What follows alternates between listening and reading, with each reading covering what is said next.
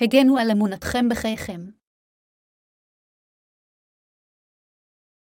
אל האפסאים 4.216 על כן אזירכם אני האסור באדון להתהלך כאשר יעתה למשמרתכם אשר נקראתם לה בחלי נמיכות וענווה, ובאורך רוח לשאת איש את רעהו באהבה, ושקדו לשמור את אחדות הרוח באגודת השלום גוף אחד ורוח אחד, כאשר גם נקראתם בתקוות משמרתכם האחתה אדון אחד אמונה אחת טבילה אחתה אל ואב אחד לכל שהוא על כל ואת כל ובתוך כל. קראנו עתה את אל האפסיים 4.216, כקטע כתב הקודש היומי. פאולוס השליח אמר כאן באל האפסיים 4.21, אני האסור באדון להתהלך כאשר יאתה למשמרתכם אשר נקראתם לה. בזמן שהשליח פאולוס כתב זאת, הוא נכלא בשל פרסום הבשורה, ולכן נוכל בקלות לדמיין עד כמה התאבל ליבו. כאשר פאולוס היה אדם חופשי, הוא היה מסוגל להיפגש בחופשיות עם הקדושים ולחלוק את כל האחווה שרצה. אך כעת, לאחר שנכלא, לא יכול היה לעשות את מה שרצה לעשות וליבו השתוקק אף יותר להטיף את הבשורה. אנו גם צריכים לאחוז את פשורת המים והרוח היקרה לליבנו כל עוד אנו יכולים לשרת אותה. בכל אופן, אני רואה שלחלקנו אין להיטות כזו, וזה מעציב אותי מאוד. אני חושש שבקרוב כאשר תגיע הצרה הגדולה, לא נוכל לשרת את בשורת המים והרוח יותר. כשיגיע הזמן הזה, אני יודע שנתחרט על כך שלא שירתנו את הבשורה עכשיו בחריצות כפי שיכולנו. אמנם מסירותנו וכינותנו לבשורה יהיו גדולות בהרבה מעכשיו, אך כאשר יגיע זמן הצרה הגדולה, יהיה זה מאוחר מדי. בדיוק כפי שפאולוס השליח אמר, אני האסור באדון להתהלך כאשר יעתה למשמרתכם אשר נקראתם לה. אל האפסאים 4.216, כעת על כולנו להתהלך כראויים לקריאה שקיבלנו מהאדון. מתוך הבנה שאלוהים קרא לנו והושיע אותנו, עלינו לנהל חיים הראויים לקריאתו. פאולוס השליח הוכיח באל האפסאים 4.22 ללכת, בחלן מיחות וענווה, ובאורך רוח לשאת איש את רעהו באהבה, בשבילנו שנעבוד עם כל הנמיכות והענו לפני האל זה להקדיש את עצמנו אליו באמונה. מכיוון שמתוך מכוח החשיכה אלוהים קרא לנו להיות ילדיו שלו, והפקיד בידינו את עבודתו, אין לי ספק שהעבודה שאנו עושים כעת היא עבודת האל היקרה. המשימות המופקדות בידי הצדיקים שונות זו מזו. לכל אחד מאיתנו יש תפקיד שונה לבצע את עבודת האל ולהוקיר כל אחד מעובדינו זה להיות ענבים. ענווה אינה קשורה להנמכת עצמנו רק כלפי חוץ ולהעמיד פנים שאנו צנועים, אלא להוקיר כל אחד ואחד המשרת את פשורת המים והרוח ולבצע בנאמנות את המשימה המוטלת על כל אחד מאיתנו. כשם שאלוהים ציווה עלינו ללכת בכל הנמיכות והענווה, חובה עלינו לכבד זה את זה ולדאוג זה לזה. עלינו להוקיר את כל המשרתים את פשורת המים והרוח, מתוך הכרה כנה שללא עבודתם, לא יהיה זה אפשרי עבור אף אחד מאיתנו לשרת את האדון.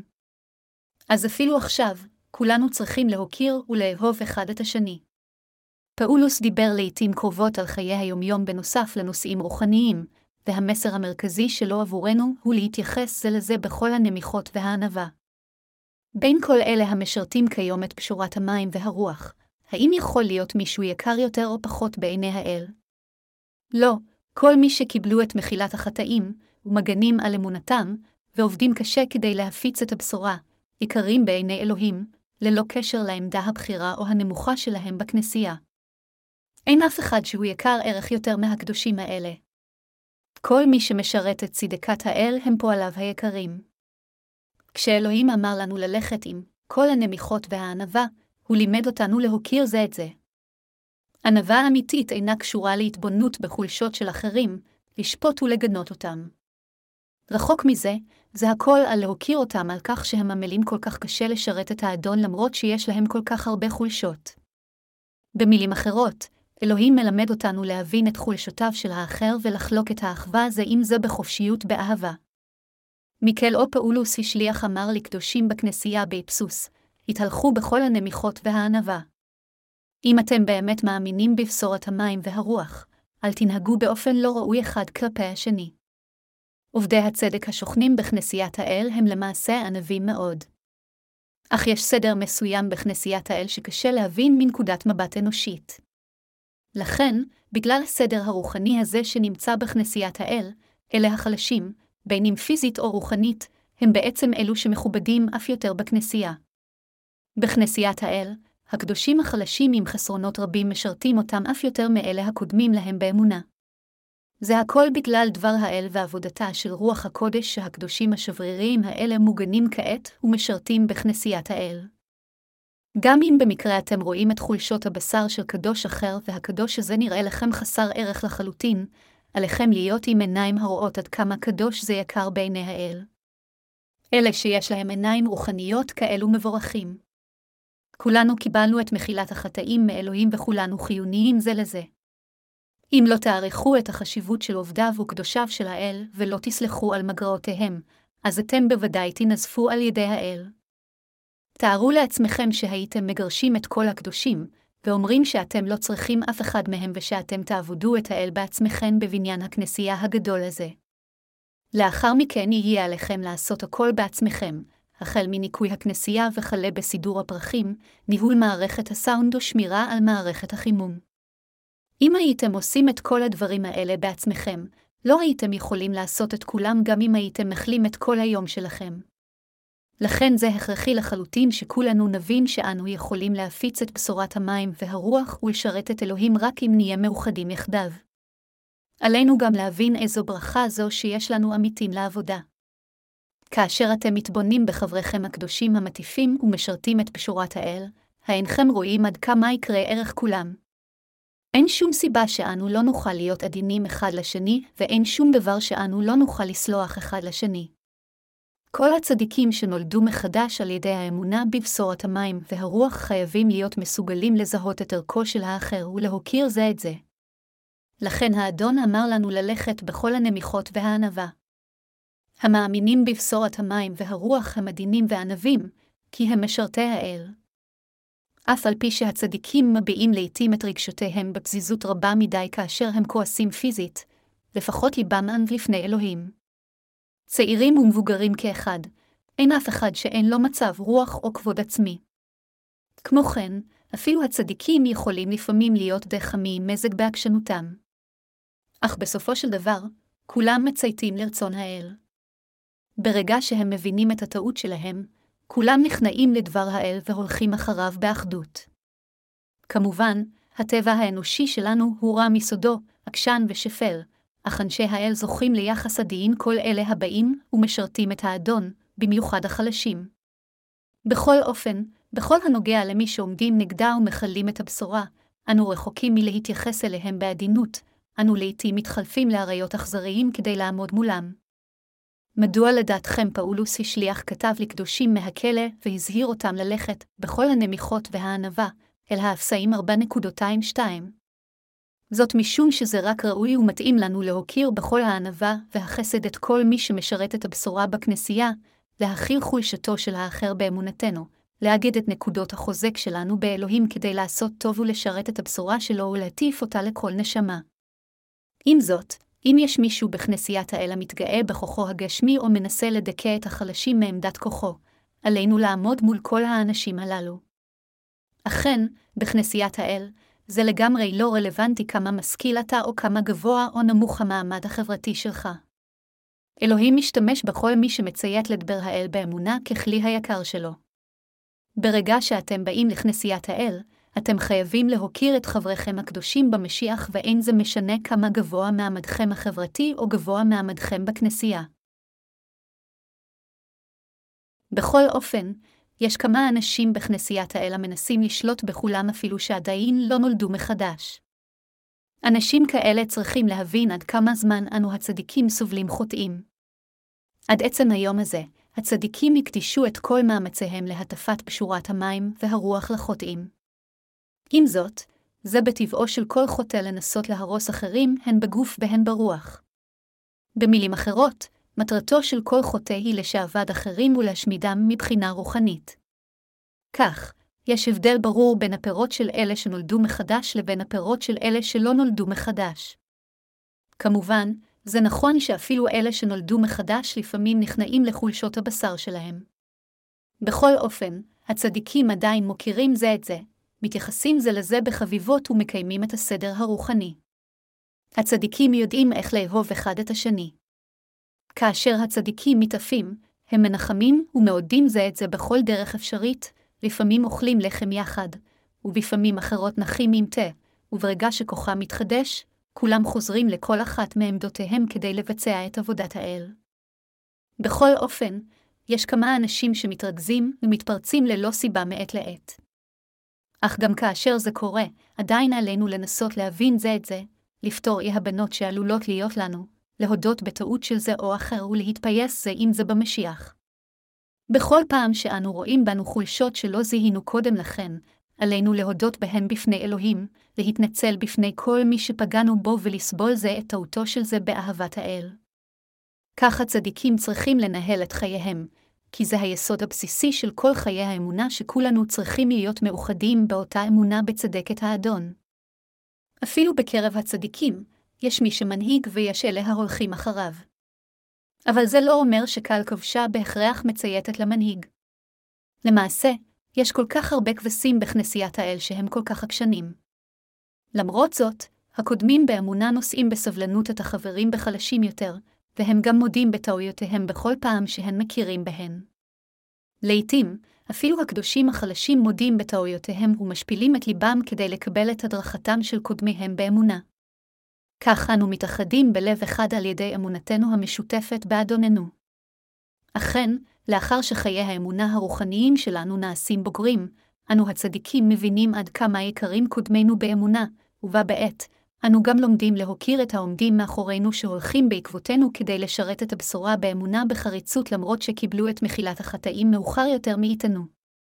בדרך זו, כשאנו מבינים עד כמה אנו יקרים זה לזה, אנו מסוגלים לשרת את אלוהים בחיינו. מסיבה זו, פאולוס השליח הוכיח אותנו ללכת, בחל הנמיכות וענווה, ובאורך רוח לשאת איש את רעהו באהבה, אל האפסאים 4.22. כאשר אנו מבינים זה את זה ומחבקים זה את זה באהבת האל ובאמונה, כולנו נעשים מאוחדים. אני בטוח שגם אתם חוויתם את זה בעצמכם. האדון ציווה אותנו להגן על אמונתנו בבשורת המים והרוח. אל האפסאים 4.23 אומר, ושקדו לשמור את אחדות הרוח באגודת השלום, מה קושר אותנו זה לזה כדי לשמור על אחדות השלום שלנו. מה שהופך אותנו לאחד הוא כוח בשורת המים והרוח שבאמצעותו האדון הושיע אותנו מכל חטאינו. כך אנו מסוגלים לשמור על הישועה שלנו שהושלמה בבשורת האמת של המים והרוח, לקבל שלום אמיתי, וליהנות מסיפוק אמיתי והכל על ידי האמונה. אכן, אם לא הייתה לנו בשורת המים והרוח, אזי זה היה בלתי אפשרי מבחינתנו ליהנות משלום אמת, לא להחזיק מעמד לאורך זמן, לא להיות צנועים, ולא להיות ענון והרבה פחות לאהוב זה את זה. זה הכל מכיוון שיש לנו את פשורת המים והרוח שאנו יכולים לשאת בסבלנות את כל הקשיים של חיינו. זה מכיוון שהאדון מחק את כל חטאינו אחת ולתמיד עם פשורת המים והרוח. יתר על כן, מכיוון שאדוננו מחק את כל חטאינו עם פשורת המים והרוח, לא רק שאנו יכולים לקבל שלום בלבנו כמה מינים שלו, אלא גם אנו יכולים להפיץ את שלוותו. הודות לשלום שהעניק לנו אלוהים, הפכנו כעת לאחד. פאולוס השליח היפציר בכולנו להגן על אמונתנו בבשורת המים והרוח, ואמר גם באל האפסאים 4.24, גוף אחד ורוח אחד כאשר גם נקראתם בתקוות משמרתכם האחת. האם יש יותר מגוף אחד של המשיח? לא, יש רק גוף אחד של המשיח. גופו של המשיח כאן מתייחס לקדושים המרכיבים את כנסיית האל. ישוע המשיח הוא ראש כנסיית האל, וכחברים בכנסייה זו, אנו גופו של המשיח. כנסיית ישוע הנוצרי היא גוף אחד. הודות לישועה שהאל הביא לנו, כולנו הפכנו לאחד. יש גם רוח אחת, בדיוק כפי שפאולוס אמר, גוף אחד ורוח אחד כאשר גם נקראתם בתקוות משמרתכם האחת, אל האפסאים 4.24. ישוע המשיח הושיע אותנו באמצעות פשורת המים והרוח, וכעת הוא חתם את ליבנו ברוח הקודש. במילים אחרות, אלוהים חתם עם רוח הקודש כל לב ולב שקיבל את מחילת החטאים על ידי האמונה בבשורת המים והרוח, ורוח הקודש, בתורה, גרמה לנו לחיות בתקווה אחת.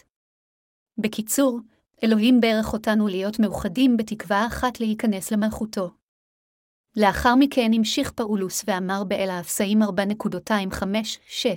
כי יש אדון אחד אמונה אחת טבילה אחתה אל ואב אחד לכל שהוא על כל ואת כל ובתוך כל, האדון האחד והיחיד שהושיע אותנו מכל חטאינו הוא לא אחר מאשר ישוע המשיח. אם ישוע המשיח לא היה מושיע אותנו מכל חטאינו באמצעות פשורת הישועה שהתגשמה במים ובדמו, אזי לא היינו יכולים להיגאל מכל חטאינו. לפיכך, כשם שהתנ"ך אומר, יש אדון אחד, אמונה אחת וטבילה אחת. בדיוק כפי שיש רק אדון אחד שהושיע אותנו, יש רק אמונה אחת שבאמצעותה כולנו הגענו לישועתנו, כי כולנו מאמינים באותו אלוהים באמצעות אותה הבשורה. אמונה זו משותפת לכל הקדושים השוכנים בכנסיית האל. יש גם רק טבילה אחת שישוע קיבל עבורנו. האם יש טבילה נוספת שקיבל ישוע המשיח כדי לשאת את חטאינו? או שמא הוא לקח את חטאינו בכל דרך אחרת מלבד טבילתו? לא, לא הייתה דרך אחרת מלבד הטבילה שקיבל האדון מיוחנן המטביל. לפיכך, יש רק טבילה אחת ששטפה את כל חטאינו. ומכיוון שישוע נשא את כל חטאינו כאשר קיבל את הטבילה הזו, כל חטאינו הועברו אליו. האם אי פעם פתחתם ניקוז? בזמן ששירתי בצ'אנגוון סיטי, הניקוז במרפסת האחורית של בניין הכנסייה נסתם פעם אחת וגרם לכל כך הרבה צרות שנאלצתי לקרוא לשרבוב כדי לפתוח אותו. הכנסייה הייתה ממוקמת בקומה השנייה של הבניין, ובקומה מעל הכנסייה היה מכון פרטי. המכון הזה זרק הרבה פסולת דרך הניקוז שם עד שבסופו של דבר הוסתם את צינורות הביוב. החסימה הייתה כל כך גרועה שלא יכולתי לתקן את זה בעצמי, ולכן הייתי צריך לקרוא לשרבוב. אבל אפילו ישרברב התקשה לפתוח את המערכת. בהתחלה, השרברב התכוון לגבות ממני 30 דולר על העבודה, אבל עד מהרה הוא רצה עוד כסף והתלונן עד כמה היא סתימה חמורה. אז הצעתי לו 50 דולר, ותוך פחות מדקה הניקוז כבר לא היה חסום. שמחתי מאוד לראות שכל הביוב החסום פתוח כעת לחלוטין. עלינו להקשיב ללא הרף לדבר הבשורה המלמד אותנו שישוע קיבל את כל חטאינו ולקח את כולם על ידי שהוטבל בידי יוחנן המטביל.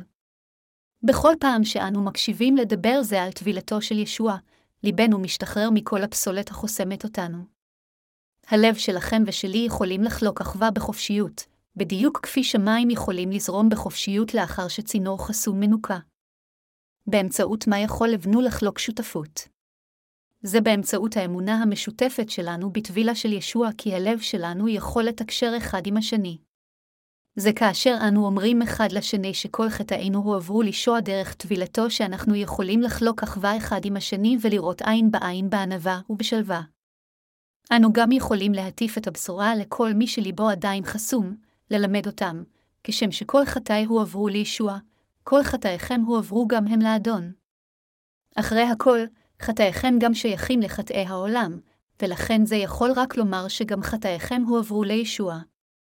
כל חטא בעולם הזה, שלכם ושלי כאחד, כבר הועבר לאדון, אז גם ליבם יהיה פתוח לתקשר עם ליבם של כל שאר הקדושים שנולדו מחדש בקהילה קדושה אחת, בדיוק כפי שהתנ"ך אומר שיש אדון אחד אמונה אחת טבילה אחת, אל האפסאים 4.25. אז מה לגבי כנסיית האל? יכול להיות שיש יותר מאחת. לא, לא יכולה להיות יותר מכנסיית אל אחת, בדיוק כפי שהתנ"ך אומר שיש גוף אחד, אל האפסאים 4.24. העובדה שיש אדון אחד ואל אחד פירושה שמכיוון שאנו מאמינים שישוע המשיח הגיע לארץ הזו כמושיענו כשהוא מציית לרצון האב, נשא את כל חטאינו באמצעות טבילתו ומת על הצלב במקומנו, יש רק אדון אחד ואל אחד עבורנו. למרות שבני האדם עובדים אלים רבים בעולם הזה, הבורא האלוהי שברא את היקום כולו ואת צבאותיו, והושיע אותנו, הוא אלוהי האמת היחיד. ובכל פעם שאנו אומרים שהאל הזה הוא אלוהינו, זה מבוסס על העובדה שהוא טוב ומלא אהבה. התנ"ך גם אומר שאלוהינו הוא אב אחד לכל, אל האפסאים 4.26. מי ברא כל דבר ביקום הזה, את הגלוי ואת הבלתי נראה? זה אלוהים שיצר את כל הדברים. לפיכך, אלוהים האב אינו אפו מעל לכל הבורא המוחלט. הוא אינו נחות כמונו יצוריו, אך הוא בורנו אשר נעלה יותר מכולם, מושיענו ואלוהינו, שכן הוא זה שברא את היקום כולו ואת כל צבאותיו. פאולוס גם אמר באל האפסאים 4.26 כי אלוהינו הוא, בתוך כל. כאשר ברא אלוהים את היקום ואת כל הדברים שבתוכו, האדם היה לא יותר מאשר יצור נחות לפני אלוהים. אתם ואני גם היינו יצורים נחותים שכאלה, אבל אלוהים האב הפך אותנו לאחד עמו על ידי שליחת בנו אל האדמה הזאת והושיע אותנו באמצעות המים והדם של הבן הזה. במילים אחרות, אלוהים ברך אותנו שיהיה לנו המעמד של בניו ובנותיו באמצעות פשורת המים והרוח. כאשר התנ"ך אומר שאלוהים אבינו, אל ואב אחד לכל שהוא על כל ואת כל ובתוך כל, אל האפסאים 4.26, פירוש הדבר שאלוהים שוכן בליבם של כל אלה אשר קיבלו את מחילת החטאים. כמה פילוסופים הדוגלים בפנתאיזם טוענים שכל דבר בעולם הזה הוא אלוהים וטוענים שאפילו מטאטא, אבנים, הירח, השמש והימים הם כולם יצורים אלוהיים. אבל האל שמלא את היקום הזה ושוכן בלבכם ובליבי הוא אלוהי האמת היחיד. ואלוהי האמת הזה הוא האחד שאיתנו, בדיוק כפי שאמר שליח פאולוס, גירוף אחד ורוח אחד כאשר גם נקראתם בתקוות משמרתכם האחתה אדון אחד אמונה אחת טבילה אחתה אל ואב אחד לכל שהוא על כל ואת כל ובתוך כל, אל האפסאים 4.246. מאיפה באנו? באנו מאלוהים. כל מי שנולד מאלוהים הם מעמו. לעומת זאת, אלה שאינם מאמינים באלוהים בדיוק על פי עבודת הישועה שלו אינם עמו אלא אויביו כמשרתי השטן. זו הסיבה שפאולוס היא שליח הפציר בנו, ושיקדו לשמור את אחדות הרוח באגודת השלום. אל האפסאים 4.23 מה משמע הדבר עבורנו לקבל את אחדות הרוח? זה אומר שהפכנו לגוף אחד בכך שהאמנו שישוע המשיח נטבל, נצלב למוות וקם לתחייה מן המתים עלי אדמות כדי להושינו, קיבלנו את מחילת החטאים והשלום נכנס לליבנו.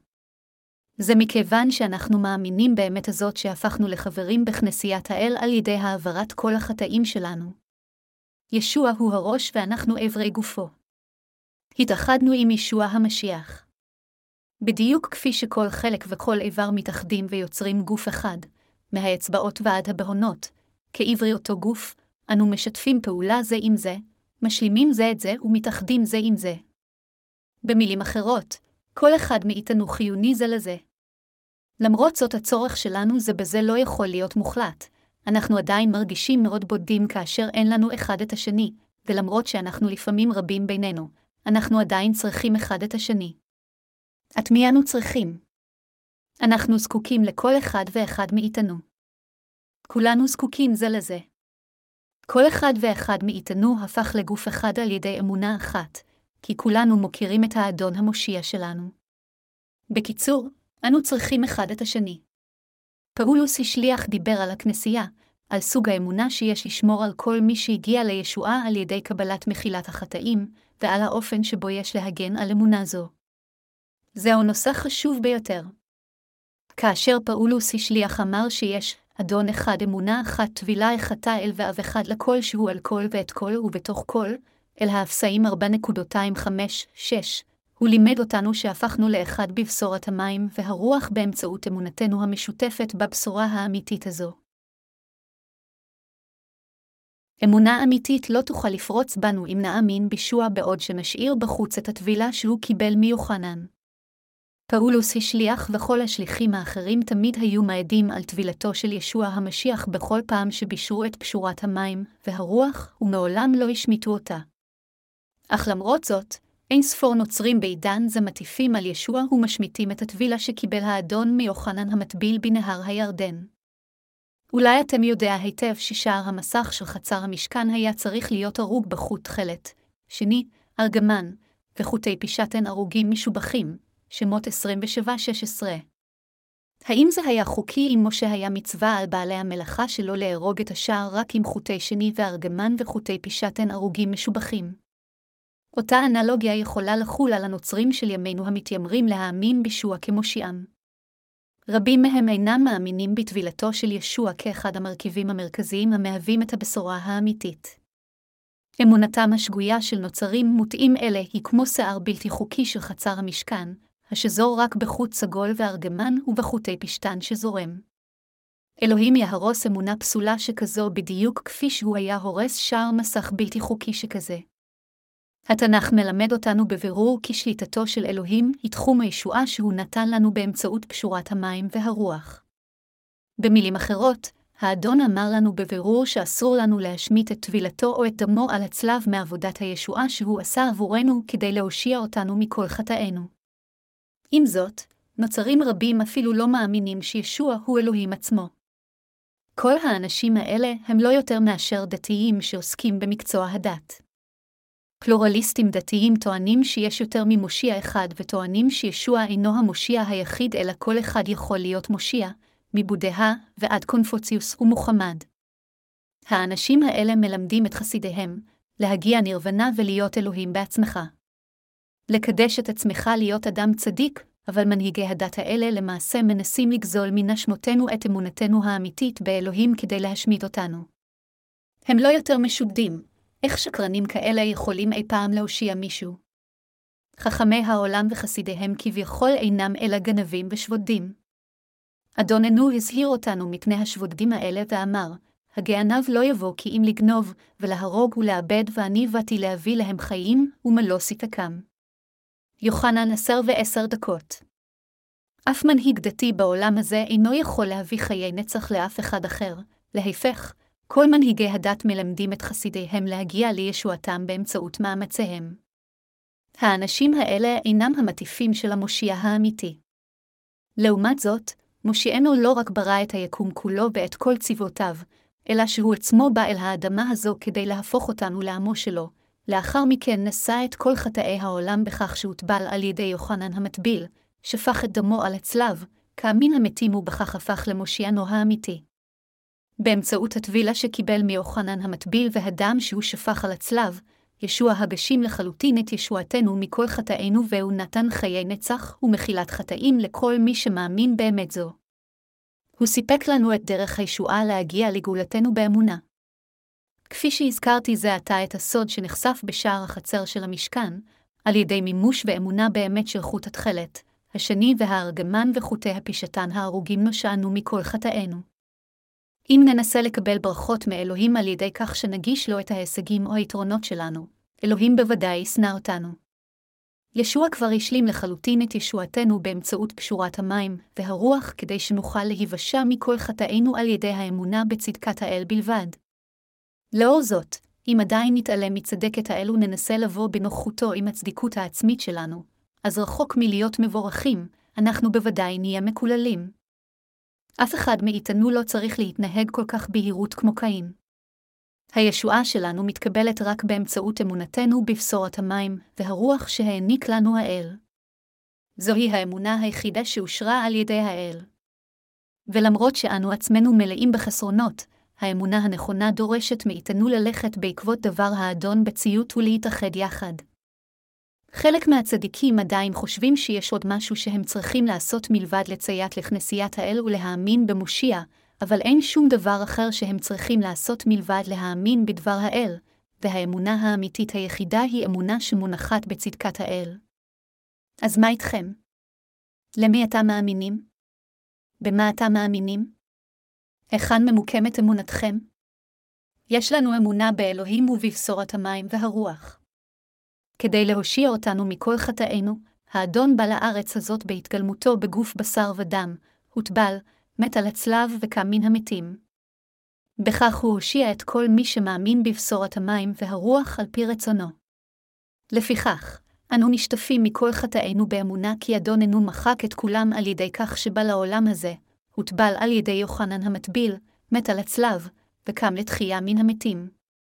בכך שאנו מאמינים הן בטבילת האדון והן בדמו על הצלב, איננו רק נשטפים מכל חטאינו, אלא גם נגאלים מכל הרשעותיהם. לא יכולה להיות שום קשורה מלבד הבשורה הזו של המים והרוח, וגם לא יכולה להיות ישועה מלבד זו שהגיעה אליה על ידי האמונה בבשורה האמיתית הזו. לפני זמן מה, קיבלתי דואר אלקטרוני ממישהו בקוסטה ריקה.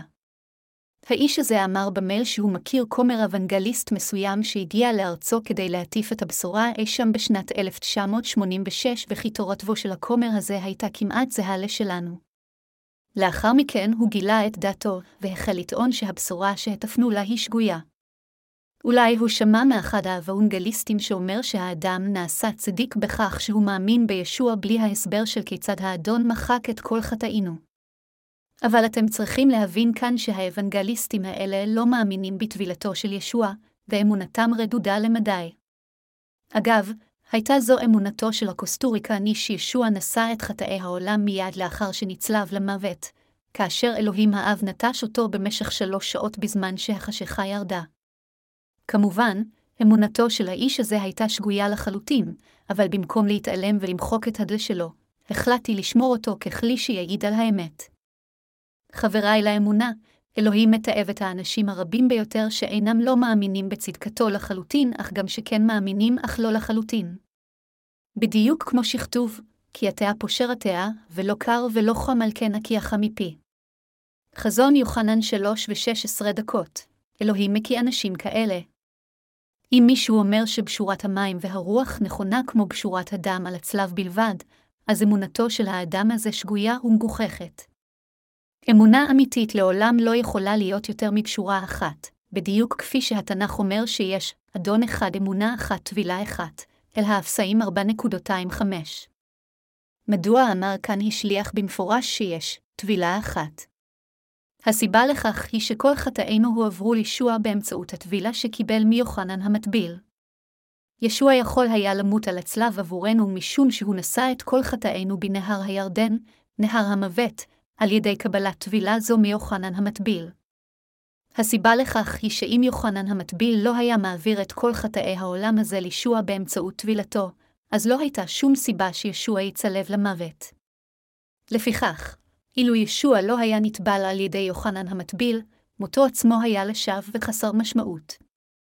כשם שלא תוכלו להשיג תוצאה כלשהי אלא אם כן תבינו תחילה ותעברו את התהליך הנדרש כדי להפיק תוצאה זו, כל עוד הנוצרים של ימינו יהיו בורים לגבי טבילתו של ישוע ויסרבו להכיר בה, הם לעולם לא יוכלו להפוך את דמו של ישבעה על הצלב לרלוונטי עבורם. לכן זה רק עניין שבשגרה בשבילי להדגיש את טבילתו של ישוע כל כך הרבה פעמים, ולעיתים קרובות כל כך. ישוע קיבל את קל חטאי העולם הזה על ידי שהוטבל בידי יוחנן המטביל.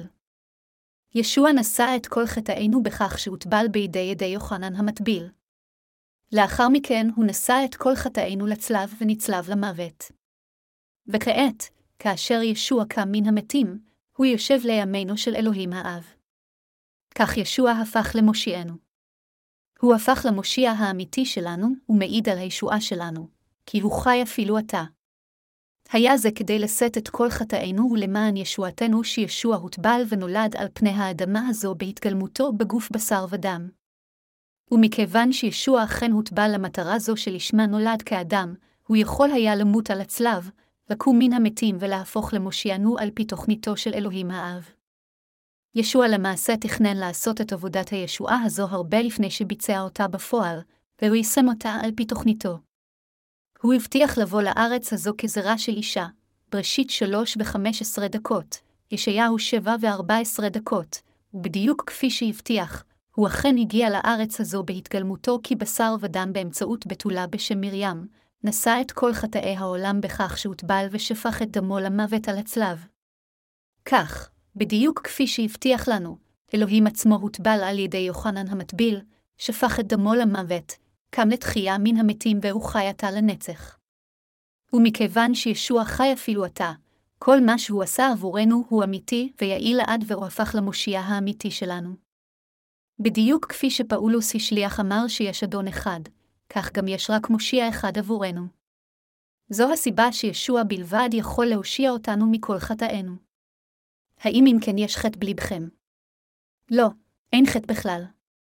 האם אם כן חטאיכם נעלמו על ידי האמונה רק בדם של ישוע על הצלב? לא, כל חטאיכם נמחקו על ידי האמונה הן בטבילה שקיבל ישוע מיוחנן המטביל והן בדם שהוא שפך על הצלב. רק באמצעות אמונה זו, שנמצאת הן בטבילתו של ישוע והן בדמו על הצלב, יכולנו לשטוף את כל חטאינו. אפילו עתה, יש רק אמונה אחת ובשורה אחת שיכולה להושיע את כולם מכל חטאיהם, לא שתיים, והבשורה הזו היא לא אחרת מאשר בשורת המים והרוח. אז מה לגביכם? האם יש לכם את פשורת המים והרוח שיכולה להושיע אתכם מכל חטאיכם? האם אמונתכם היא אחרת משל כולנו? אם אמונתכם שונה משלנו, אז זה יכול להראות שהתגנבתם לכנסיית האל ללא האמונה הנכונה. איזו אמונה עומדת כנגד צדקת האל? את מי ניתן לתאר כמי שהתגנב למשיח? אלו הם אלה המאמינים במשהו אחר במקום להאמין רק בבשורת המים והרוח כישועתם. לפיכך, אנשים אלה יישאו את פרי ההרס, משום שליבם נותר חוטא. אלוהים העניק לנו רצון חופשי כאשר ברא אותנו, והוא אפשר לנו להגיע לישועתנו על ידי האמונה בבשורת המים והרוח, כך, על דבר הנהגתו במלואת הימים לקבל את הכל במשיח מה שבשמיים ומה שבארץ. אל האפסאים אחת ועשר דקות, ועל ידי הושעתנו באמצעות פשורת המים והרוח, האל הפך אותנו לילדיו של האל. זוהי האמונה המאפשרת לנו להתאחד באמת עם אלוהים. אדוננו אמר לכולנו, זהו רצוני להושיע את כולכם מחטאיכם ולהפוך אתכם לילדיי, כדי שתהנו מתהילת השמיים כבני ובנותיי. זוהי, חברי לאמונה, תוכניתו של אלוהים וההתגשמות הסופית של האדון שוכן בליבם של קהל המאמינים בבשורת המים והרוח. זה הכרחי לחלוטין מבחינת כולנו להאמין בטבילה של ישוע ודמו על הצלב כגאולה שלנו מכל חטאינו. אנו יכולים לחלוק אחווה זה אם זה רק באמצעות אמונה משותפת זו. אל לנו להבליט או להדגיש רק את דמו של ישוע. אם מישהו בכנסיית האל מלמד משהו אחר מלבד אמונה זו בבשורת המים והרוח, עלינו לעצור את כל האנשים הללו. אם הם עדיין ממשיכים להיאחז באמונתם השגויה למרות האזהרה שלנו, אז עלינו לנתק את מערכת היחסים שלנו איתם. אם אי פעם יימצאו אנשים כאלה בכנסיית האל, עלינו לשנות אותם כדי שיאמינו בבשורת המים והרוח בדיוק כמונו או לבקש מהם לעזוב את כנסיית האל בדרך אחרת. ראוי לחלוטין שנעמוד מול כל מי שאינו מאמין בבשורת המים והרוח, בשורת האל. אם מישהו אינו מאמין בבשורת האמת של המים והרוח למרות שבאמצעות הבשורה הזו האדון הושיע אותנו, אזי האדם הזה עומד נגד צדקת האל עם צדיקותו העצמית. אלוהים גם ציווה עלינו, ושקדו לשמור את אחדות הרוח באגודת השלום, אל האפסאים 4.23. אז אנחנו לא יכולים פשוט לצפות באפס מעשה אם מישהו בכנסיית האל לא באמת מציית למצווה זו, ובמקום זאת מענה את חבריו הקדושים, מתעקש שהוא נושע בכל מקרה על ידי האמונה בישוע. עלינו לגלות מתנדנדים אלה ולמד אותם לעמוד איתן עם בשורת המים והרוח. אם הם לא מצייתים לנו עד הסוף, אנו צריכים באומץ לנתק אותם מכנסיית האל למרות שלבנוי יהיה עצוב. מכיוון שכל כך הרבה אנשים בימינו כל כך בורים לגבי בשורת האמת של המים והרוח, הם אפילו לא יודעים מי נושע ומי לא. לכן חיוני לנו למתוח קו גבול ברור של אמונה עם פשורת המים והרוח, ולהעיד בפני כולם שניתן להגיע לישועה רק בתוך תחום זה. מי שרוצה להיכנס לתחום הישועה הזה שאלוהים ברא חייב לעבור באמונה דרך שער בשורת המים והרוח. כל מי שלא נכנס דרך השער הזה לא יבשע. כולנו חייבים להאמין בציווי שקבע אלוהים ולתרגל אותו על ידי אמונה. בעודנו ממשיכים בחיי האמונה שלנו, יש צורך גם לתעד כל עדות ישוע ולכל חוויית אמונה כדי לוודא אם אמונתו של האדם נכונה או שקרית.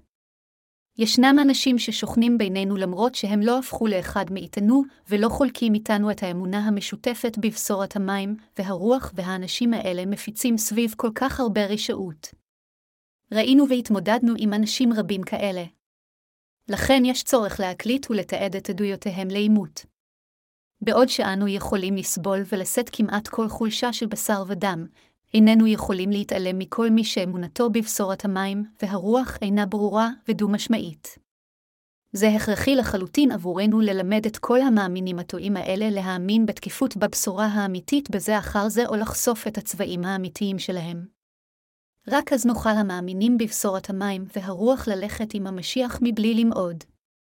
כל אחד בכנסיית האל חייב לחיות על פי אותה אמונה של הבשורה האמיתית, ולכן כל מי שאמונתו לא מונחת בבשורת המים, והרוח אינו יכול שלא לדחות את צדקת האל. אם יש אנשים בכנסיית האל כאלה שאינם מאמינים בבשורת המים והרוח שלו, אז הדבר הנכון עבורנו לעשות הוא או לגרש אותם מכנסיית האל, או לגרום להם להיות עם אותה אמונה כמו שלנו, ואין זה משנה מי הם. לעולם עלינו לסבול בקלילות כה רבה כל מי שיתגנב לכנסיית האל מבלי להאמין למעשה בבשורת המים והרוח. להפך, עלינו לעשות כל שביכולתנו כדי למנוע מאנשים אלה להיכנס לכנסיית האל. פאולוס השליח היפציר בנו, ושקדו לשמור את אחדות הרוח באגודת השלום, אל האפסאים 4.23.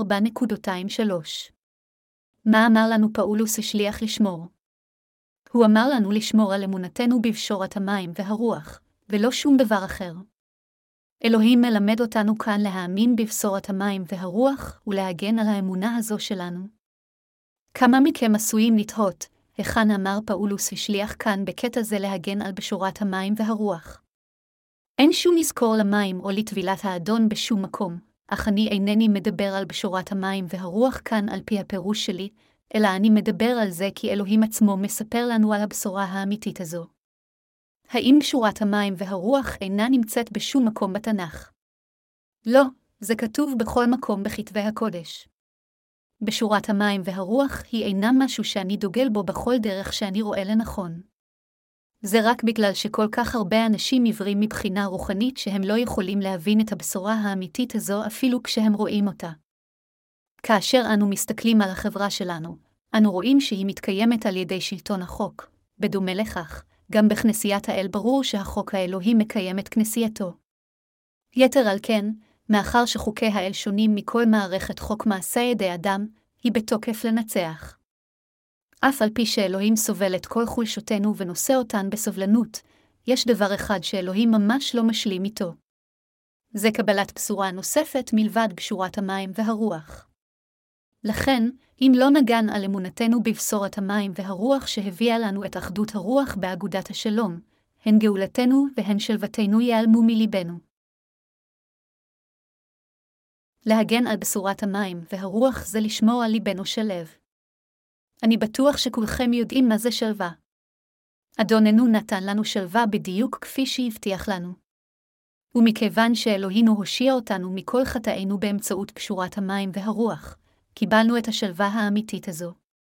בכל אופן, למרות שהאל העניק לנו שלווה, נאבדת שלווה הזו אם לא נצליח להגן על הבשורה. אז ברגע שאנו מקבלים שלווה, זה הכרחי לחלוטין שאנו גם נגן על השלווה הזו לנצח. לכן, כדי לשמור על השלווה הזו עד הסוף, עלינו להאמין בבשורת המים והרוח. כל מי שרוצה להיכנס לכנסיית האל חייב לפחות להאמין בבשורה האלוהית של המים והרוח. רק אנשי אמונה כאלה מוכרים כאחינו ואחיותינו. בכל אופן, לא משנה עד כמה חזק מישהו, אם אדם זה אינו מאמין בבשורת המים והרוח, אז הוא גוי רוחני שנועד באופן בלתי נמנע להיות מושלך לגיהינום. עלינו להתייחס לאנשים כאלה כמו לכל גוי אחר ולראות בהם את הכבשים האבודות שאליהן עלינו לבשר את הבשורה בסבלנות ובתוחלת חיים ארוכת טווח. אבל אם האנשים האלה אי פעם ינסו לשלוט עלינו אפילו כשהם לא מאמינים בבשורת המים והרוח, אסור לנו להרשות זאת. יש להתנתק מכל האנשים הללו, ולעולם לא לאפשר להם לשרת את הבשורה יחד עם אחינו ואחותינו ומשרתי האל. מכיוון שזה מה שאלוהים אמר לנו לעשות, זה מה שעלינו לעשות לא רק למענכם ולמעני, אלא גם למען כנסיית אלוהים. כולנו צריכים להבין כאן שכל מי שדוחה את פשורת המים והרוח ייענש בוודאות על ידי אלוהים. פעם ראיתי סרט תיעודי טלוויזיוני בשם "בעקבות המשיח", אשר עקב אחר מסעו המיסיונרי של פאולוס מאסיה הקטנה למקדוניה, כולל אזורי אפסוס ופיליפוס השוכנים כיום בטורקיה וביוון. האם יש שם מישהו היום שיש לו את פשורת המים והרוח? לא, אין אף אחד. למה זה קרה? זה קרה משום שברגע שהשליחים בתקופת הכנסייה הקדומה הלכו לעולמם, בשורת המים והרוח כבר לא נישאה כעדות על ידי משרתי האל, ולכן איש לא יכול היה למנוע את השחטתה. פאולוס השליח הזהיר את כולנו, שמור את הפיקדון הטוב על ידי רוח הקודש השוכן בנו, השנית לטימותאוס אחת וארבע עשרה דקות. כאן, פאולוס כינה את בשורת המים והרוח, הפיקדון הטוב הזה, במקום להזכיר אותה ישירות. האדון גם אמר לנו לשמור על אחדות הרוח בקשר של שלום, וגם זה מתייחס לבשורת המים והרוח. התנ"ך הוא דבר האל שנכתב על ידי השליחים שנבחרו על ידו ובהשראת רוח הקודש. לפיכך, התנ"ך אינו רק יקר ערך ככתיבה ספרותית והיסטורית, אלא שהוא גם מושלם לחלוטין כדבר האמת המעניק את האמונה הנכונה לנשמה. אפילו הסופרים והמשוררים הנודעים ביותר בעולם הזה לעולם לא יוכלו להתקרב אפילו ממרחק לדבר האל היפה שנכתב בכתבי הקודש. בשורת האמת של המים והרוח הפכה אותנו לאחד ואפשרה לנו לחיות על פי אמונה, וכולנו חייבים להאמין באמת הנפלאה והיקרה הזו. כיום זה די נפוץ להיתקל בסרטים המתארים את חייו של ישוע, אבל רוב הסרטים האלה מסתיימים בלקח צפוי המהלל את המוסריות ומגנה את הרשע ומפיץ את הרעיון שמי שמאמין באלוהים מבורך בעוד מי שלא מאמין מקולל. אבל מי יכול אי פעם לקבל את מחילת החטאים על ידי צפייה בסרט כזה? זה היה יכול להיות כל כך נפלא אם לפחות אחד מהסרטים האלה היה מספק תיאור מדויק ומלא יותר על טבילתו של ישוע, ומסביר למה התכוון ישוע כשאמר ליוחנן המטביל, הולם שאני אטבל על ידך ואקבל את כל החטאים ואמלא את כל הצדקה, אז אנשים היו יכולים לקבל את מחילת החטאים רק מצפייה בסרט אחד זה. יש קטע במשלי שאומר, הון עשיר קריית עוזו, מחיתת דאלים רשם, משלי עשר וחמש עשרה דקות. אנשים לא מאמינים למה שהעניים אומרים ואין זה משנה כמה הם יהיו קולניים. אך כאשר דבריו של האדם מלביבים בתועלת חומרית מוחשית, מילים אלה מתקבלות ביתר קלות. זו הסיבה שאנו מחלקים את הספרים שלנו בחינם לאנשים בכל רחבי העולם כדי לחלוק את אהבתנו איתם ולהטיף את הבשורה ברחבי העולם כולו. כך האנשים האלה בכל רחבי העולם יכולים לקבל את מחילת חטאיהם רק על ידי קריאת אחד מספרי הבשורה שלנו. זה הכרחי לחלוטין עבור כולנו לא רק להמשיך לבצע את העבודה הזאת של הפצת הבשורה, אלא גם להגן על האמונה שלנו עד הסוף. עלינו להגן על אמונה זו עד הסוף בכל מחיר, משום שכתר הניצחון יוענק רק למי שיעשה כן.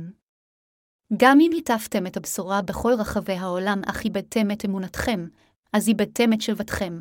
אם איבדתם את השלווה הזאת, אז איבדת את חייכם, ואם איבדת את חייכם, אז אין לך למה לצפות מלבד קללות. לכן חשוב ביותר עבורכם להגן על אמונתכם בבשורת המים והרוח עד הסוף. אתם ואני חייבים להבין עד כמה באמת יקרה ונפלאה בשורת המים והרוח, ועל כולנו להגן על אמונתנו בבשורה זו. הרשו לי גם להוסיף כאן שאני אוהב את כולכם. אין אף אחד שאני לא אוהב. אני אוהב לא רק אתכם שנאספתם כאן לנגד עיניי, אלא את כל הסועדים והקדושים שלנו ברחבי כנסיית האל בכל רחבי העולם, ואפילו את אלה שעומדים מחוץ לכנסייה. אכן, דווקא בגלל שאנחנו אוהבים את כל הנשמות האבודות האלו, אכפת לנו מהן כל כך ולפעמים אנו מרגישים כל כך מתוסכלים מהעקשנות שלהן. כדי שנוכל להגן על אמונתנו בבשורת המים והרוח עד הסוף, עלינו לרחם על כל הלא מאמינים הללו ולראות בהם את הנשמות העלובות הזקוקות לנו נואשות כדי להטיף להם את הבשורה. יחד עם זאת, אנו גם זקוקים לאמונה שיכולה לעזור לנו לעמוד מול כל מי שיתגנב לכנסיית האל עם בשורה כוזבת.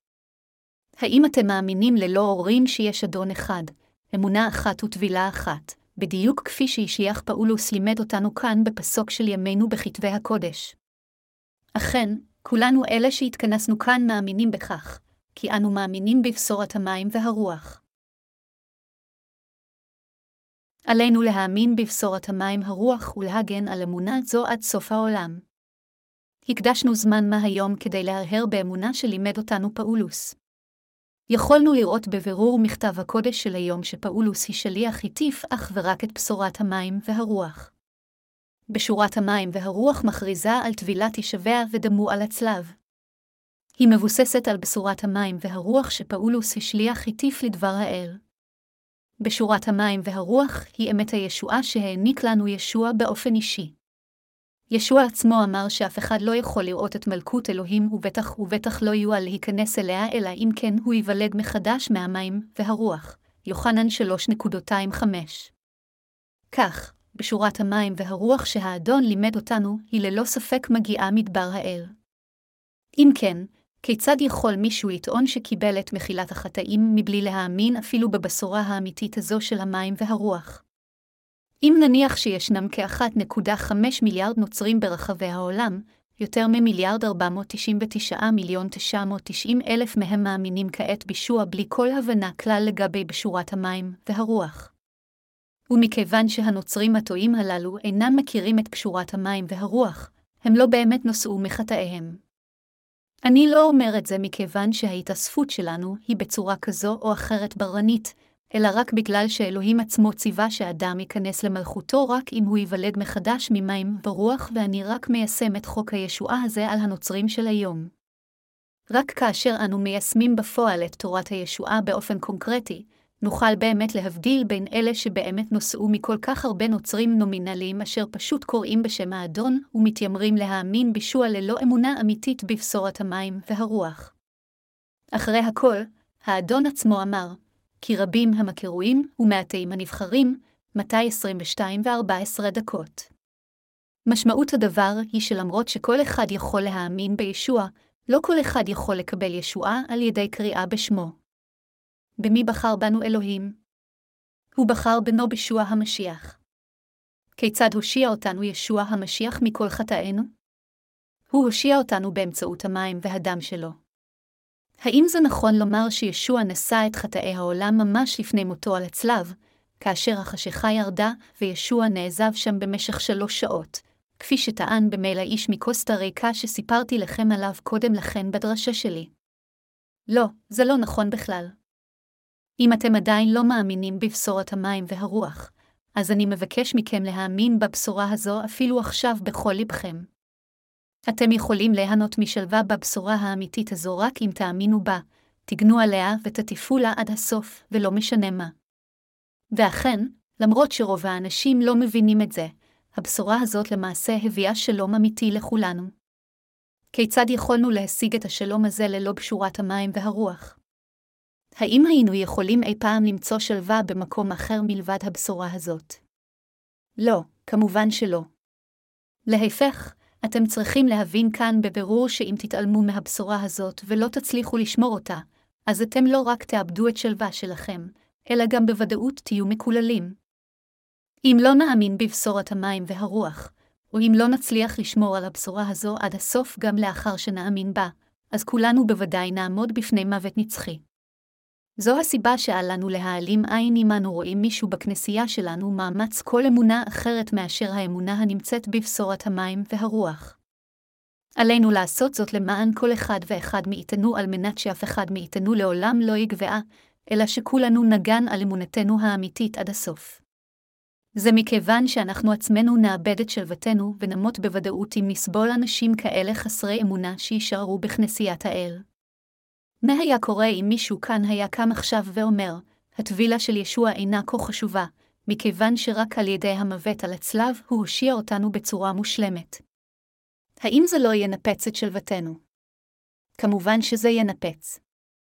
כפי שכולנו יודעים, מכיוון שישוע הוטבל מלכתחילה, הוא היה יכול לשפוך את דמו על הצלב. לכן, אם נזניח אנשים כאלה שאומרים שטויות מתוך הבורות המוחלטת שלהם לגבי בשורת המים והרוח, אז אין ספור אנשים בסופו של דבר ייפלו לאבדון כתוצאה מכך. ההשלכות של הזנחה זו צפויות והרסניות כמו התוצאות שהייתם מתמודדים איתן אם הייתם ממשיכים לשתות ולעשן מבלי שאכפת לכם אפילו. שזה הורג אתכם. חבריי לאמונה, אינני יכול להדגיש מספיק עד כמה חשוב שתגנו על האמונה שיש לכם כעת בבשורת המים והרוח. אתם חייבים להגן על אמונתכם למען אף אחד אחר חוץ מלמען עצמכם. וכדי לעשות זאת זה באיזה צורה אתם יכולים לעזור לנשמות אחרות, וזה גם באיזה צורה אתם יכולים לשרת את צדקת האל. לכן, חובה עליכם לשמור על האמונה הנכונה שיש לכם כעת, וזו דרך נוספת לומר שעליכם להגן על אמונתכם בפשורת המים והרוח. אם במקום זאת תביטו למטה על בשורת המים והרוח שיש לכם כעת, כשם שאסף מכר את זכותו מלידה תמורת קערה של נזיד עדשים בלבד, אז תאבדו את כל ברכות האל. האם הייתם אומרים כמו אסף, מכיוון שאני הבן הראשון והאח הבכור, זכותי מלידה לרשת את כל עושרו של אבי. אבל אני אתן לך את כל זה אם רק תיתן לי קערה של נזיד עדשים. כשחזר אסף מהצעיד, הוא היה כל כך רעב שכל מה שהוא יכול היה לחשוב עליו היה אוכל, וכשהוא חזר הביתה, הוא ראה את אחיו הקטן יעקב מבשל נזיד עדשים. עשו זינק על זה כמו חיה מורעבת, מכר את זכותו מלידה ליעקב רק בשביל קערה של נזיד עדשים זלל את התבשיל ועל הדרך זרק את זכותו מלידה לביוב.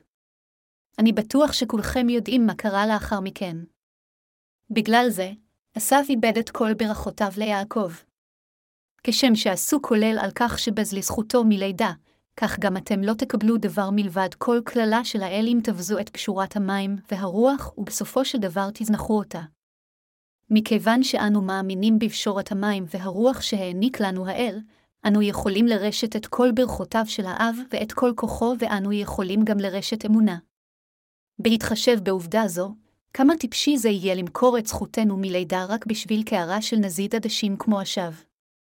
לכן לעולם לא נוכל לוותר על בשורת המים והרוח, על אחדות הרוח באגודת השלום, רק משום שמישהו מפטר אותנו עם כמה ערכים של העולם הזה. וזו הסיבה שאנו מטיפים את הבשורה הזו אפילו עכשיו, ודוחים את כל הערכים החברתיים כזבל גרידא, בדיוק כפי שעשה פאולוס השליח. ולעולם לא נוותר על האוצר היקר שיש לנו בליבנו. אנו עומדים לעבור פעם נוספת קצת ארגון מחדש ולעשות כמה שינויים, אבל ללא קשר לשינויים אלה נמשיך לשרת את הבשורה, ולא משנה מה. עלינו לעשות כמיטב יכולתנו כדי למלא את האחריות שהאדון הפקיד בידינו, וכדי לעשות זאת, עלינו להתאחד זה עם זה על ידי אמונה בבשורת המים והרוח. לפיכך, איננו יכולים להרשות לעצמנו לסבול כל אדם שגורם לקדושי האל עם עוד בכך שאיננו מלמדים אותם דבר מלבד בשורת המים והרוח. אם יש אנשים כאלה בינינו, אז אנו חייבים להצביע על הטעות שלהם לכולם כדי שיראו וימנעו מהבשורה האמיתית מלהיות מושחת. לא ניתן לעצור את האמת גם אם מישהו מנסה לכפות עלי שתיקה. ללא קשר למה שיקרה לי, ההתכנסות שלנו תמשיך להטיף את פשורת המים והרוח ללא הרף. לכן אני נחוש להוקיע אפילו בקול רם יותר את כל משהו שקרי ושגוי. כשם שהלהבה הגדולה יותר של הבשורה הוצתה בכנסיית ירושלים לאחר מותו של יעקב, אני מאמין שכאשר אנו ניצבים בפני ניסיונות ומצוקות, אמונתנו תתחזק עוד יותר והבשורה תעבוד עוד יותר באופן מופלא. אם כן, הבה נודה כולנו לאלוהים, נגן על בשורת המים והרוח עד הסוף, ונבצע בנאמנות את עבודת הבשורה המאוחדת על ידי אמונתנו המשותפת היחידה.